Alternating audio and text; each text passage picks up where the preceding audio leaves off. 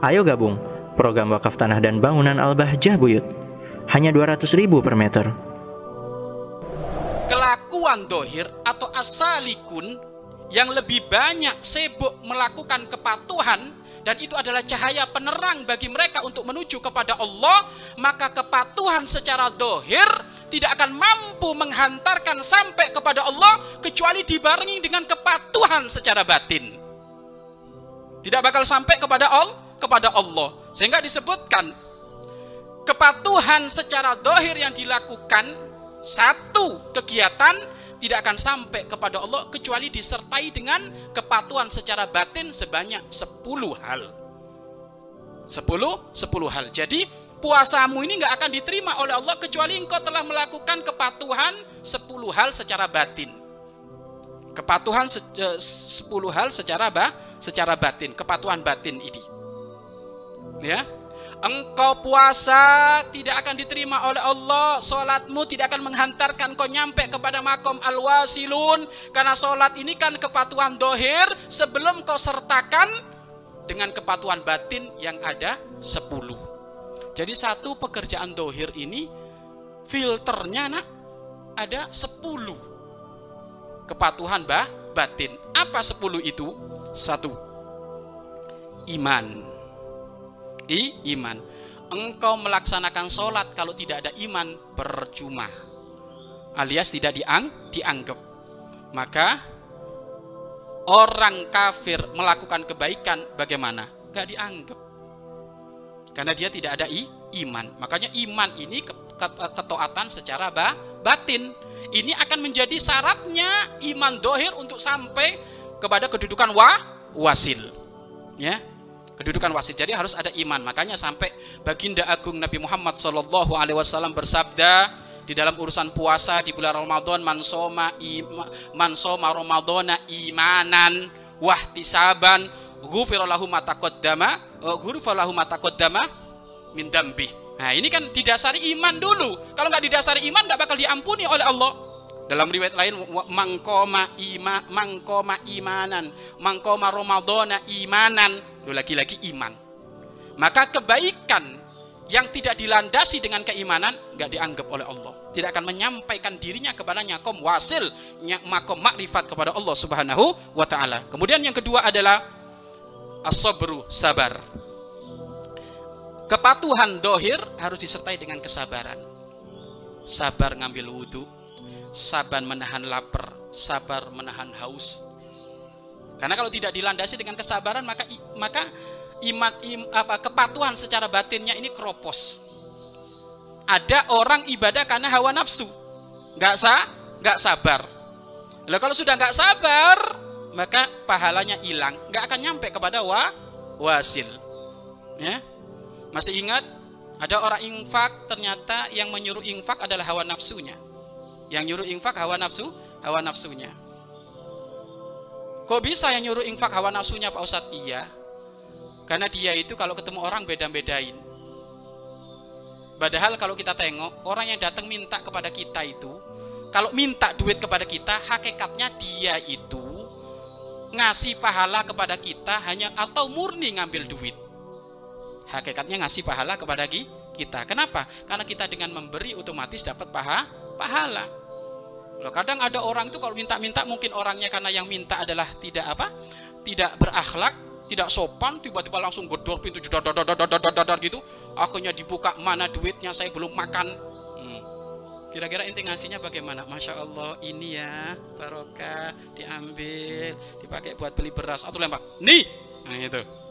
Nah kalau kita ngelempar gitu, berarti yang nyuruh adalah hawa nafsu berarti kita kurang sabar di dalam melaksanakan kepatuhan dohir yang berupa sedek sedekah. Doh hal ini akan menjadikan kita tidak akan sampai kepada Allah Subhanahu wa taala. Kemudian yang ketiga adalah hudurul kolbi.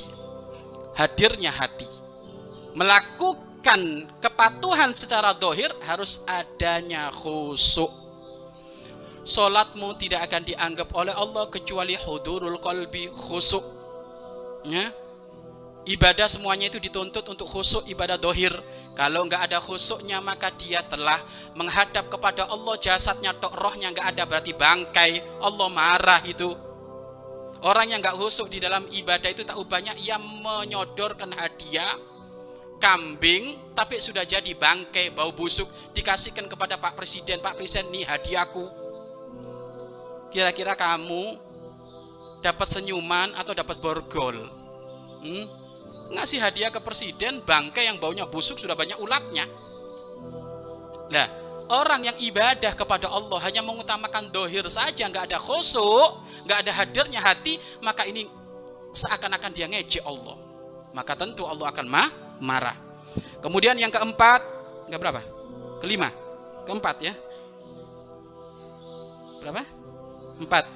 Yang keempat adalah di dalam melakukan ketaatan secara dohir harus disertakan juga ada kepatuhan secara batin yaitu ta'zim, mengagungkan Allah. Di saat kau membaca Al-Quran dengan ta'zim, mengagungkan Allah. Di saat kau sholat, hendaknya kau mengagungkan Allah karena kalau ternyata dia sholat tidak mengagungkan Allah, malah mendurhakai Allah, menyekutukan Allah, ya nggak bakal diterima. Maka kepatuhan secara dohirmu tidak akan mengantarkan kau sampai kepada Allah. Jadi harus ada makna ta'adim. Kemudian yang kelima adalah harus ada ikhlas. Ya, harus ada ikh, ikhlas. Ini juga kunci di ibadah nggak ada ikhlas percuma. Ya, sholat yang kamu lakukan jika bukan ikhlas percuma.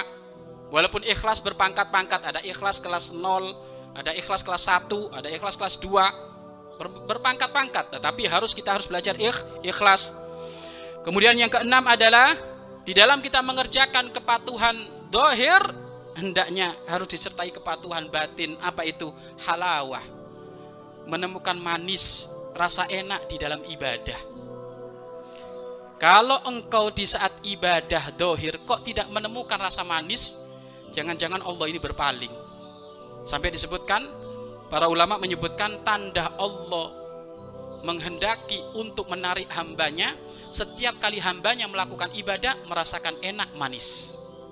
Tapi kalau di saat kita melakukan ibadah kok merasa jenuh, sumpek, males, nggak enak, berarti Allah menolak ibadahmu. Harusnya kalau Allah menghendaki engkau baik, di saat kau melakukan ibadah, Allah akan menitipkan rasa manisnya itu.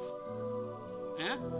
Makanya Imam Ali Zainal Abidin As-Sajjad yang beliau dikatakan adalah ahli sujud. Suatu ketika beliau kan lagi bangun malam, tiba-tiba rumah beliau kebakaran. Rumah beliau kebakaran, semuanya sudah gosong, hancur, binasa.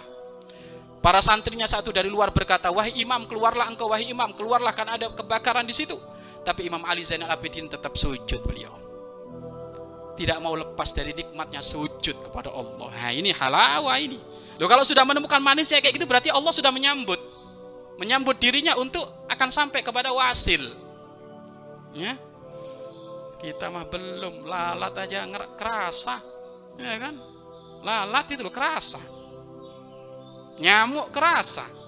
Semut ya kan? Lewat di kakinya kerasa. Nah, ini kurang dilatih kita ya kurang dilatih kemudian yang berapa yang ketujuh yang ketujuh adalah khauf. Harus menghadirkan rasa khauf. Khauf itu rasa khawatir merasa amalnya takut gak diterima oleh Allah.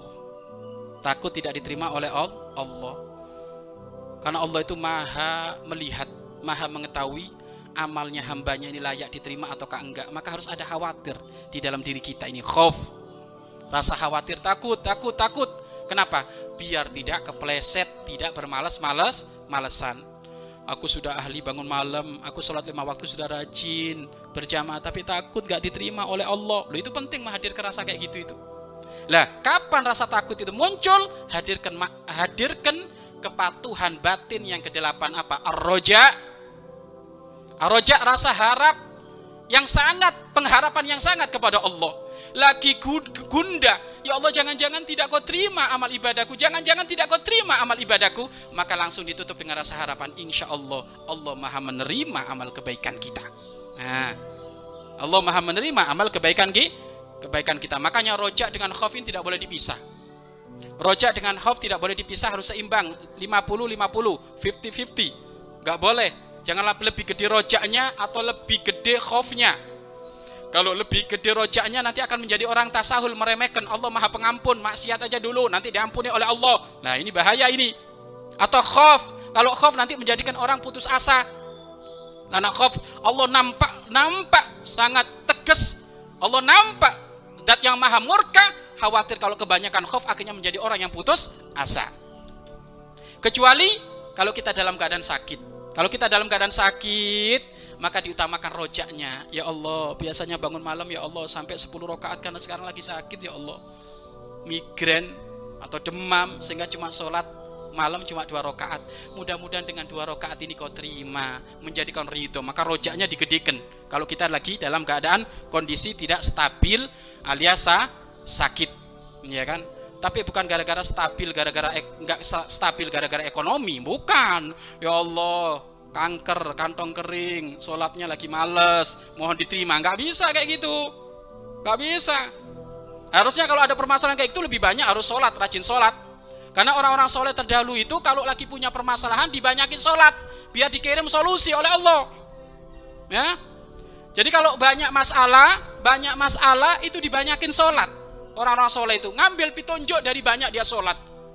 Belum dikasih sholat lagi, belum dikasih pitunjuk sholat, sholat, sholat, sholat, sholat. Tapi anak sekarang, orang sekarang kan beda. Pengennya ngambil jalan pin, pintas. Iya kan? Tokonya tutup, dukun bertindak. Wah ini ya musibah ini. Kalau dukun bertindak, tanda, tambah nyungsep itu. Ya, Pokoknya jadikan mengundang solusi Allah dengan kau banyak sholat di saat lagi punya masalah masalah. Kemudian yang kedelapan dzikru minnati minnatin lillah. Mengingat-ingat nikmat Allah Zikru nikmatin, mengingat-ingat nikmat Allah ini penting. Biar tidak menjadi orang ujub, bangga di diri. Kamu itu bisa sujud karena Allah ngasih kesehatan. Kamu bisa infak karena Allah ngasih duit. Kamu bisa ini, bisa itu. Jadi mengingat-ingat nikmat Allah itu penting biar tidak sombong, tidak bangga di bangga diri. Yang terakhir, asyukrulillah bersyukur kepada Allah, bisa bangun malam bersyukur, bisa haji bersyukur, bisa puasa bersyukur, bisa bayar zakat bersyukur, bisa nyantunin anak yatim piatu bersyukur, bisa meninggalkan kemaksiatan bersyukur, bersyukur. Maka kapan sepuluh hal ini kepatuhan batin disertakan dengan kepatuhan dohir, maka kepatuhan dohir tadi itu menghantarkan akan nyampe kepada dudukan wa wasil, makom wa wasil. Mari berinfak untuk operasional lembaga pengembangan dakwah Bahjah Buyut.